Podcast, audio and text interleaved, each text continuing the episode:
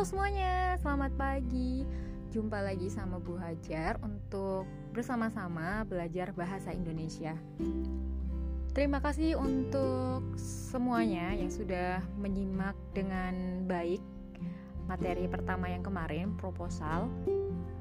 Bu Hajar ingatkan untuk teman-teman yang mungkin belum mengirimkan tugas yang pertama maupun yang kedua untuk segera dikirimkan dan jangan lupa ketika mengikuti pembelajaran untuk selalu presensi agar tidak ada prasangka buruk dalam hati Bu Hajar.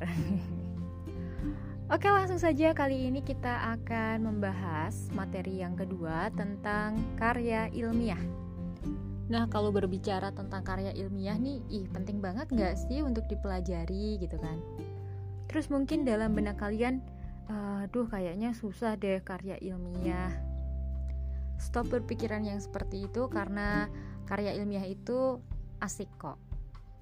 Dan penting banget buat kalian yang nantinya akan melanjutkan ke perguruan tinggi karena kalian pasti akan menemukan tugas akhir lalu membuat makalah atau membuat skripsi. Selain itu, menulis karya ilmiah itu juga dapat mengembangkan pola pikir kita menjadi lebih peka dan lebih kritis. Nah, penting banget kan? Oleh karena itu, langsung saja kita bahas submateri yang pertama tentang bentuk-bentuk karya ilmiah. Kalian boleh banget sambil menyimak buku paket halaman 177. Ada tiga jenis bentuk karya ilmiah. Yang pertama bentuk populer. Bentuk populer ini biasanya ditulis uh, dalam bentuk isai populer atau artikel populer dan kalian bisa menemukannya di media massa seperti koran atau surat kabar. Untuk bentuk populer ini tidak terpaku oleh struktur. Jadi bentuknya seperti artikel pada umumnya. Berbeda dengan uh, bentuk semi formal, ini bentuk yang kedua. Ada beberapa hal yang perlu diperhatikan dan uh, berpaku pada sistematika tertentu. Nah, kalian bisa menemukan bentuk semi formal itu pada artikel ilmiah atau jurnal ilmiah. Untuk bentuk semi formal ini lebih panjang dari bentuk populer akan tetapi lebih pendek dari bentuk formal.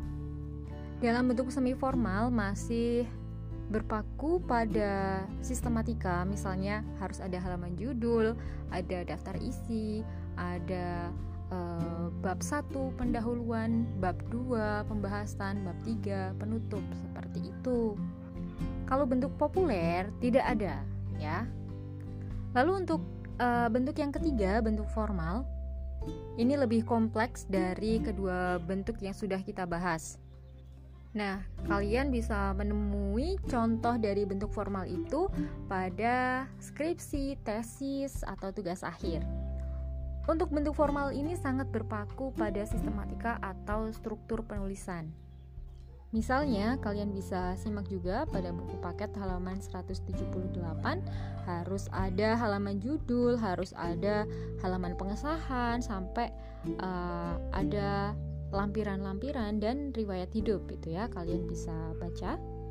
Dan tentu saja untuk bentuk formal ini lebih panjang dan biasanya uh, hasilnya itu berlembar-lembar bahkan bisa beratus lembar gitu ya karena memang untuk skripsi, tesis atau disertasi itu harus melalui proses yang panjang dan penelitian yang panjang. Untuk contoh tertulisnya, nanti Bu Hajar akan lampirkan contoh dari karya ilmiah bentuk populer, semi formal, semi formal dan formal. Dan ada beberapa hal yang perlu kalian perhatikan ketika membuat sebuah karya ilmiah. Yang pertama, sistematis. Jadi memang pola penulisannya itu baku gitu ya. Jadi uh, yang pertama biasanya berisi tentang latar belakang, baru dibahas masalahnya dan membandingkan dengan teori-teori sebelumnya sampai uh, pada bagian yang terakhir penutup atau simpulan. Lalu yang kedua, hal yang perlu diperhatikan ketika membuat karya ilmiah adalah logis. Tidak seperti karya sastra atau karya fiksi yang menggunakan daya imaji, apa imajinasi bahkan uh, membuat kalian bisa berhalusinasi gitu ya. Kalau si karya ilmiah ini logis, jadi bisa dipahami oleh akal sehat. Misalnya ada orang yang sedang meneliti tentang vaksin Sinovac, vaksin COVID-19. Tentu saja saat meneliti harus disertai dengan teori-teori yang logis, teori-teori yang memang sudah pernah diteliti sebelumnya. Jadi bukan uh, asal-asalan. Dan yang ketiga adalah objektif. Hasil dari penelitian dibahas dalam karya ilmiah dengan objektif. Jadi uh, hasil atau temuan dalam karya ilmiah, uh, mohon maaf dalam penelitian itu tidak boleh tipu-tipu, alias yang sebenarnya terjadi ya ditulis dalam karya ilmiah. Tidak boleh memalsukan data. Misal kalian meneliti tentang pengaruh platform belajar ruang guru terhadap motivasi belajar siswa. Kalian berharap bahwa dengan uh, ruang belajar bisa meningkatkan motivasi belajar. Ternyata saat kalian meneliti, hasilnya banyak siswa yang tidak termotivasi dengan adanya uh, aplikasi ruang belajar. Jadi, yang kalian tulis dalam karya ilmiah harus sebenarnya tidak boleh didasari dari pandangan pribadi.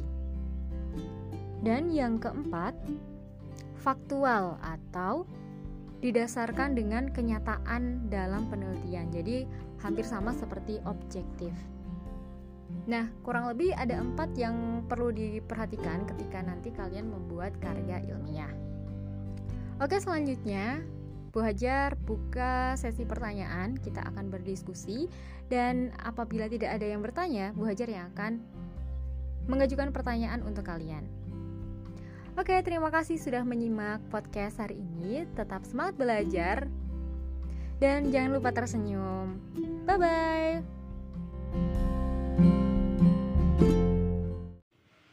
Halo semuanya. Hari ini kita mau ngomongin apa ya? Hari ini Bu Hajar akan ngasih tips untuk memilih jurusan kuliah sesuai minat dan bakat kamu. Nah, bagi kamu yang mau melanjutkan studi di perguruan tinggi negeri, yuk siapkan mulai dari sekarang karena salah satu hal penting yang tidak boleh terlewatkan untuk disiapkan adalah memilih jurusan kuliah. Menurut Bu Hajarnya, memilih jurusan kuliah itu cukup membingungkan dan banyak hal yang perlu dipertimbangkan. Kira-kira tipsnya apa aja ya? Simak terus podcast ini. Yang pertama adalah mengenali passion atau bakat kamu. Kalau kamu tipe orang yang senang bekerja sesuai hobi, maka kamu harus uh, mulai cari tahu passion yang ada dalam diri kamu. Misal nih, kamu suka banget sama matematika. Mulailah mendaftar jurusan apa aja yang berhubungan sama hitung-hitungan. Misal, jurusan matematika murni, statistika, teknik informatika, atau jurusan yang lainnya atau mungkin kamu nih tipe orang yang suka menggambar atau suka sama dunia seni. Nah, ini bisa banget masuk jurusan desain komunikasi visual atau desain interior, seni rupa, uh, atau jurusan yang lainnya yang berhubungan sama gambar menggambar. Nah, caranya gimana? Mudah banget kok tinggal searching aja di Google. Atau kamu bisa bertanya sama guru BK yang ada di sekolah kamu. Setelah menemukan bakat kamu, kamu perlu melakukan riset. Ini adalah tips yang kedua. Apa aja sih yang perlu diriset sebelum kamu memilih jurusan kuliah? Ada beberapa hal. Yang pertama, jumlah peminat tahun sebelumnya, lalu passing grade, uh, jurusan kuliah yang kamu inginkan, dan ku kuota penerimaannya. Setelah itu, kamu juga harus mengukur diri misalnya dengan nilai kamu yang segitu nih kamu uh, cocokkan dengan passing grade jurusan kuliah yang kamu inginkan dan kuota penerimaannya. Misal, nilai kamu 80, terus pengen kuliah di UGM, dan kamu melihat bahwa kuota penerimaannya tuh cuma sedikit, misalnya cuma 20 orang. Nah, ini perlu dipertimbangkan. Kamu bisa cari jurusan yang lain dengan kuota yang lebih banyak. Selain itu, kamu juga harus uh, meriset lokasi kampus yang akan dituju kalau kamu tipe anak yang anak mama banget, mungkin bisa cari jurusan dengan lokasi kampus yang dekat sama rumah kamu. Karena biasanya ada tuh anak eh, anak-anak yang eh, nggak uh, kerasan, terus dia merasa nggak nyaman sama lokasi tempat kuliah yang jauh, akhirnya dia uh, menyerah atau putus kuliah di tengah jalan. Itu kan sayang banget ya.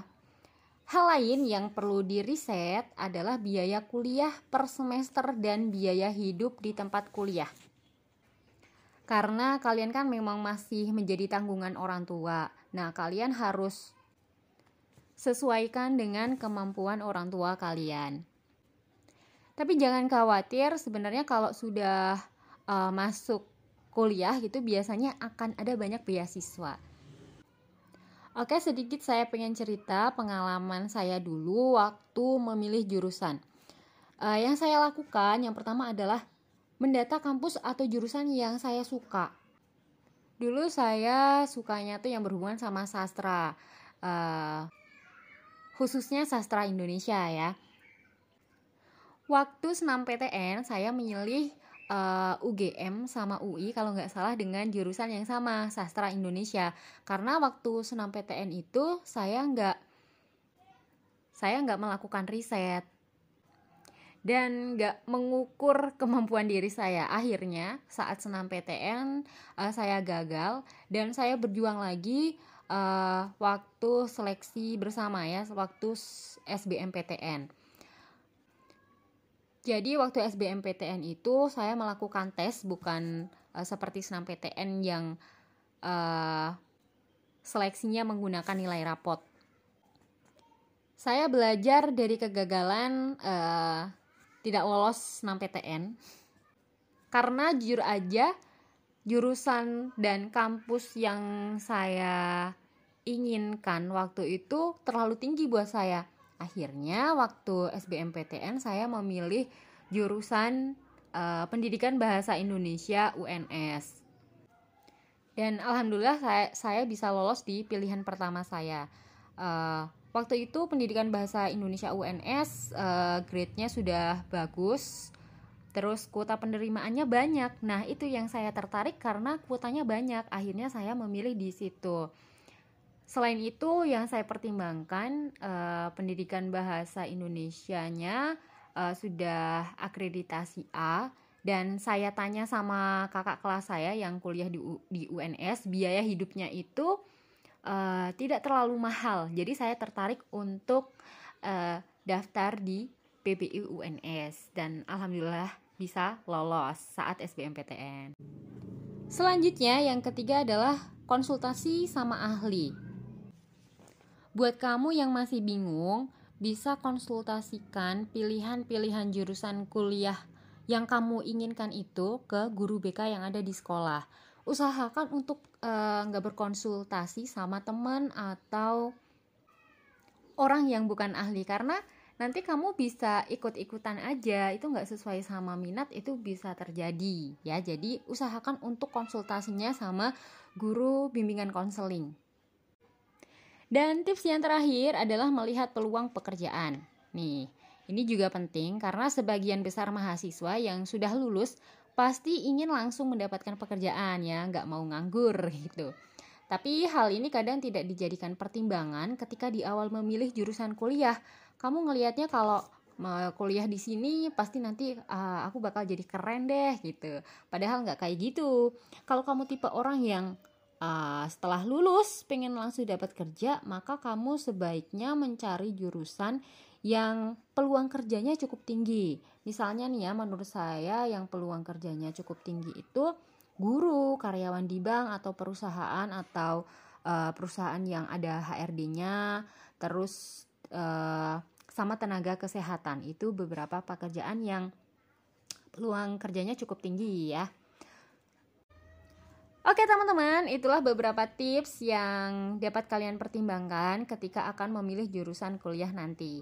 Jangan lupa untuk terus belajar karena hasil yang akan kalian peroleh tergantung dari usaha yang kalian lakukan juga. So, keep spirit and do the best ya. Bye-bye.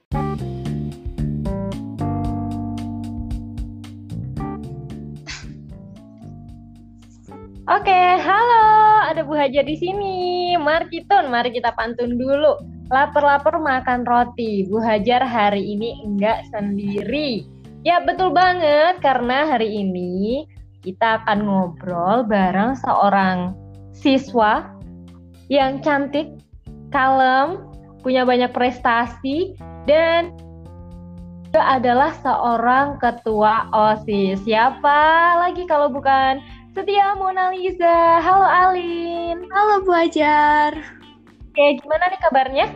Uh, Alhamdulillah kabar baik Bu Ajar. Bu Ajar gimana kabarnya? Alhamdulillah baik juga meskipun ini daring tuh kayaknya tambah tambah kerjaannya nggak sih Lin? Iya, iya sih Bu. Iya, kamu juga ngerasain seperti itu ya? Iya. Oke, Alin, kamu uh, sedang sibuk apa sekarang? Sekarang uh, untuk kegiatannya seperti biasa pembelajaran daring, terus juga di OSIS sedang ada kegiatan kebetulan, terus saya juga lagi mengikuti pembinaan untuk Olimpiade Matematika. Wah, wow. uh, lomba KIR. Wow, luar biasa, banyak banget ya. Aduh, hmm. itu gimana ya cara ngatur waktunya? Oh ya, ngomong-ngomong nih soal lomba yang di OSIS nih, uh, lombanya apa aja sih? Boleh ceritain dulu nggak? Oh iya, kalau di OSIS itu kan kebetulan memperingati Hari Pendidikan dan juga Hari Kartini di bulan April nih. Terus lombanya itu ada podcast, terus ada cosplay dan juga TikTok. Wow, ini lombanya tuh masa kini banget ya? Iya Bu, harus dong menyesuaikan dengan masa kini. Iya, betul banget. Jadi harus ikut sama tren yang ada saat ini gitu ya? Iya, betul. Oke, terus selain itu lagi mau lomba lomba apa uh, aja tadi? OSN Matematika sama KIR. Wow, OSN Matematika sama KIR juga ya. Wah, ya. ternyata ini Alin tuh punya banyak bakat juga ya. Selain dia uh, di organisasi, dia juga ikut lomba ya olimpiade juga lomba menulis karya ilmiah gitu ya Lin. Kamu emang punya bakat apa aja sih Lin? Uh, kalau saya dari dulu sukanya itu melukis dan menggambar, terus juga suka-suka membaca sama apa ya Bu, membuat kayak mengisi waktu kayak nonton film atau memasak. Saya juga suka masak. Wah, ternyata nih ya idaman banget nggak sih? Udah cantik, kalem, terus pinter punya bakat memasak juga. Iya, Nilin, saya uh, pengen tanya nih ya. Kamu kan uh, udah sibuk di OSIS tapi nggak pernah ketinggalan untuk pembelajaran daringnya. Itu tipsnya gimana aja tuh? Uh, kalau tipsnya itu yang pasti uh, dari diri sendiri ya. Bagaimana cara untuk membagi waktu walaupun sibuk di berbagai kegiatan. Uh, kalau saya pribadi kan setiap bangun tidur saya bangun tidur pagi. Tapi itu walaupun pembelajaran daring tetap uh, mindset kita tuh pembelajaran kayak di sekolah biasa. Jadi bangun pagi ibadah terus uh, mandi pagi sarapan terus waktu jam pelajaran itu mengikuti pembelajaran daring. Setelah itu bisa lah istirahat isoma terus juga kalau ada tugas-tugas mengerjakan tugas. Di samping itu kan juga hmm. saya punya kegiatan di luar uh, kegiatan pembelajaran. Nah itu waktunya juga diatur. Gimana caranya supaya uh, kewajiban kita belajar itu juga terpenuhi, walaupun kita punya kewajiban lainnya, mungkin di organisasi atau kegiatan-kegiatan lainnya. Terus juga uh, jangan lupa istirahat itu penting, karena kalau kita kecapean, kita nggak akan bisa beraktivitas dengan uh, fit, terus juga banyak pekerjaan-pekerjaan yang akan terbengkalai karena hal itu. Terus tidurnya okay. sama kalau pagi itu jangan lupa sarapan sebelum melakukan aktivitas soalnya sarapan itu kan penting banget buat memulai suatu kegiatan gitu Oke, jadi harus tetap bangun pagi, harus uh, ikuti jadwal uh, seperti biasa ketika kamu sekolah tatap muka gitu ya? Iya, Bu. Oke, kamu bangunnya jam berapa sih nih? Uh, sesuai bangunnya itu saya kadang jam 3 atau setengah 4 gitu. Kan ibadah dulu. Terus habis itu kalau mm -hmm. ada waktu ya belajar pagi. Kan masih fresh kan otaknya, Bu. Jadi bisa menerima pelajaran. Luar biasa, berarti bangunnya jam 4 atau enggak jam 3. Berarti emang ekstra gitu ya. Tapi kamu pernah e, ngerasa pusing gitu nggak sama uh, jadwal kegiatan kamu? Iya, tentu saja pernah itu pernah soalnya hmm. pastilah yeah. karena kegiatannya juga kadang uh, satu hari itu bisa full ada tugasnya banyak banget terus masih sibuk di osis ada kerjaan hari ini terus juga uh, mungkin ada pekerjaan rumah juga itu sering malahan oke okay.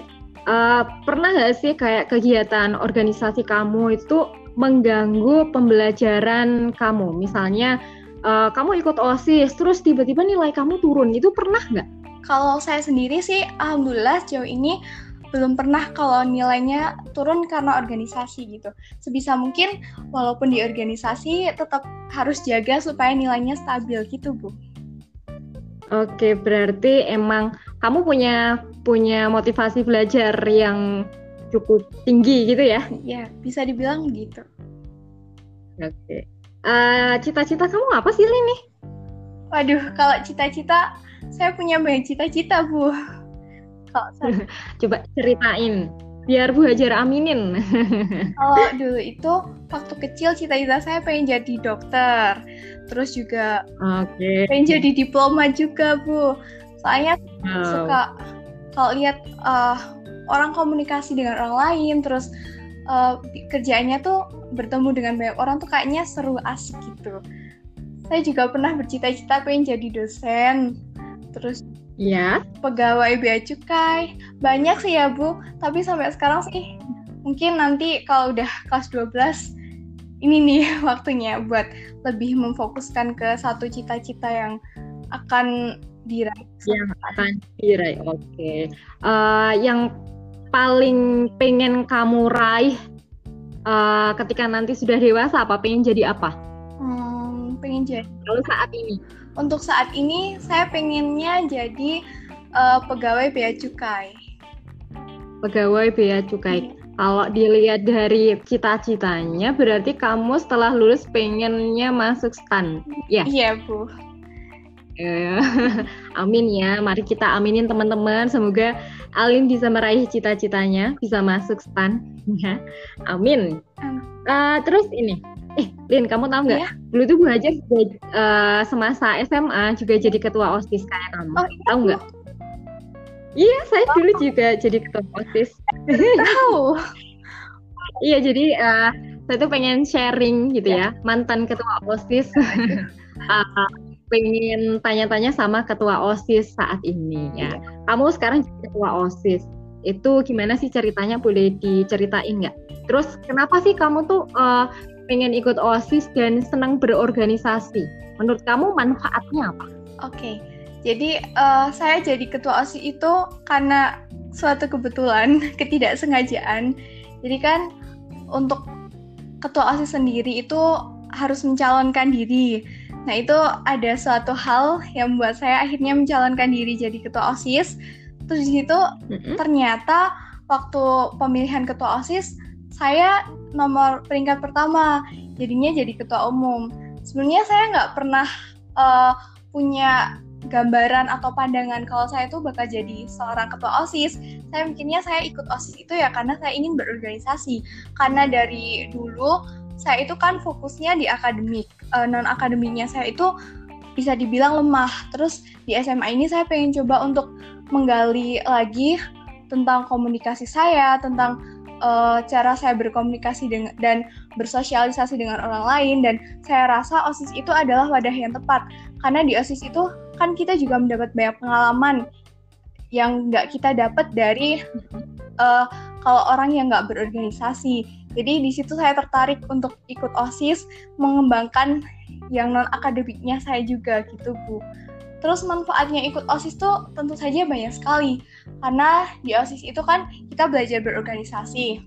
Banyak ilmu yang di OSIS nggak dipelajari di luar OSIS. Kayak misalnya membuat proposal, terus juga pengajuan uh, sponsor, itu hal yang hal-hal kecil seperti itu yang sebenarnya nanti suatu saat saat kita udah dewasa itu pasti diperlukan. Karena ya dalam pelajaran sekolah itu nggak ada uh, materi atau tentang praktik tentang seperti itu. Di OSIS yang diajarkan seperti itu. Terus juga menambah banyak relasi dengan teman-teman terus uh, bisa banyak pengalaman di OSIS kadang ada susah ada senang tapi uh, kalau kita sudah menghasilkan misal kita akan mengadakan sebuah acara terus acaranya itu sukses itu kita merasa kayak puas sekali. Hal yang uh, sangat membanggakan lah bisa ikut organisasi osis. Karena nggak semua orang punya kesempatan untuk ikut organisasi osis ini gitu. Oke luar biasa nih ya Alin. Tuh emang uh, remaja yang punya pikiran visioner gitu. Terus satu lagi Lin uh, ketika di OSIS itu dapat ilmu public speaking ya nggak ya, sih? betul sekali. Ya kan, jadi uh, kita dilatih buat ngomong di depan umum itu kayaknya juga penting banget ketika nanti kita udah dewasa. Uh, saya lihat juga kamu tuh public speakingnya bagus. Itu gimana tuh? Uh, untuk uh, menumbuhkan atau mengembangkan public speaking dalam seorang remaja? Coba kasih tips dong buat teman-teman kamu. Terima kasih Bu. Uh, untuk mengembangkan public speaking, dulu itu saya orangnya cenderung ke pendiam, jarang untuk berbicara. Karena uh, untuk ide-ide juga dituangkan dalam bentuk tertulis atau hal lain. Kalau berbicara itu jarang. Saya mulai suka berbicara itu uh, sejak SMP. Sejak SMP itu saya kan suka bahasa Inggris juga. Terus di SMP kebetulan hmm? saya diikutkan lomba speech bahasa Inggris, pidato bahasa Inggris dan juga storytelling. Nah itu uh, di satu saat itu kayak saya belajar tentang public speaking. Kok rasanya kayak ini tuh perlu banget kita buat public speaking.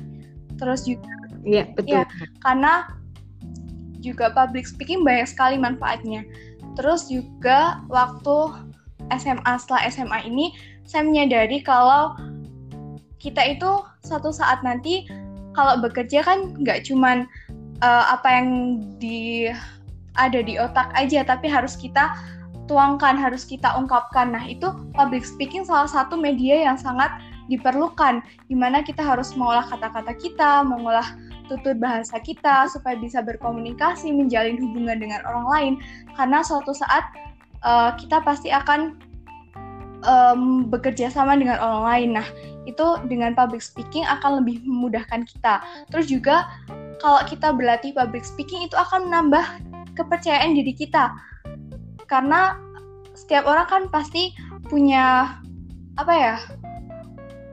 Uh, setiap orang itu punya jati diri masing-masing gitu. Kalau bisa ya, melatih public speaking kita jadi lebih baik, kita akan menunjukkan oh siapa sih diri kita itu lewat cara kita public speaking. Terus juga ya itu Bu, penting sekali public speaking untuk kehidupan kita, apalagi nanti suatu saat nanti kalau kita sudah merambah ke dunia kerja atau dunia yang lebih jauh lagi itu sangat penting. Iya, keren banget ya Alin ya uh, ngomong-ngomong soal keren nih ya, menurut kamu nih siswa yang keren tuh kayak gimana sih uh, yang mungkin uh, bisa viral di Instagram atau dia jadi selebgram eh apa selebgram atau gimana nih? Menurut kamu siswa atau remaja yang keren tuh kayak gimana? Siswa atau remaja yang keren?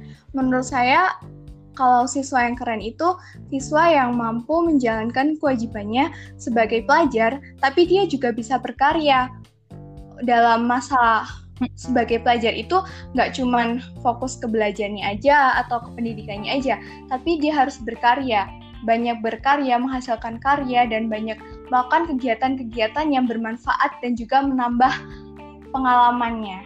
Jadi keren itu nggak harus hmm. yang di sosmed posting-postingan yang keren-keren atau jadi hmm. selebgram itu nggak harus kayak gitu. Itu menurut saya. Ya, dulu tuh Bu Hajar pas SMA ya, kebetulan kan jadi ketua OSIS dan ikut beberapa organisasi juga. Itu kadang uh, ngerasa cupu gitu loh, masih ngerasa cupu karena nggak nggak dikenal banyak orang. Padahal ya sebenarnya ya dikenal karena ketua OSIS aja gitu. Tapi setelah setelah saya menyadari bahwa oh iya ya, keren itu nggak harus terkenal, nggak harus yang punya banyak teman, tapi ketika kita bisa punya banyak karya itu ya, kita punya karya, kita bisa bermanfaat itu baru yang namanya keren. Iya. Itu ya. uh, ya. Satu lagi iya. nih. Coba kasih semangat dong buat teman-teman kamu yang mungkin uh, masih uh, males-malesan buat uh, ikut pembelajaran daring atau uh, dia mungkin belum percaya diri untuk ikut organisasi ataupun uh, dia uh, merasa apa ya merasa gengsi ketika ikut uh, lomba. Coba kasih semangat dong buat teman-teman kamu. Oh ya, baik. Uh, jadi ini ada satu kata dari saya, uh, satu apa ya motivasi dari saya. Saya juga belajar karena um, apa yang kita lakukan hari ini itu akan sangat berpengaruh untuk masa depan kita.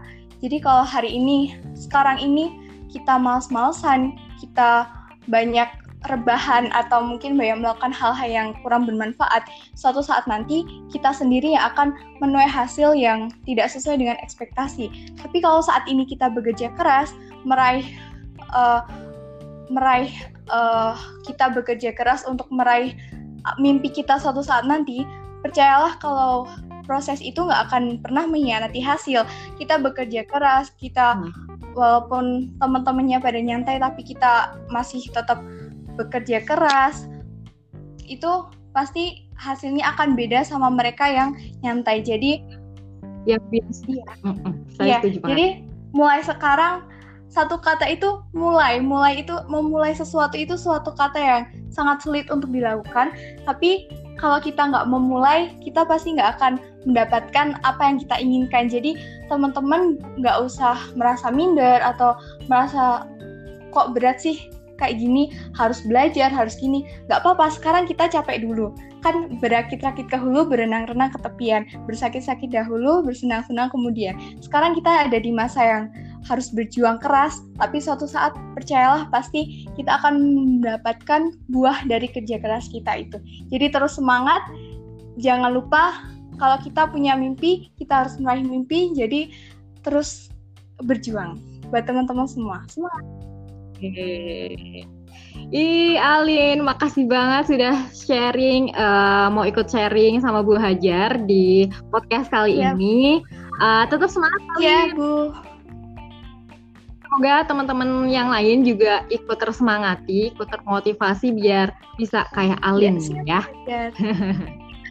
teman-teman, kita sudah mendengarkan uh, ngobrol bareng Alin dan Terima kasih banget buat Alin karena sudah menyempatkan waktunya.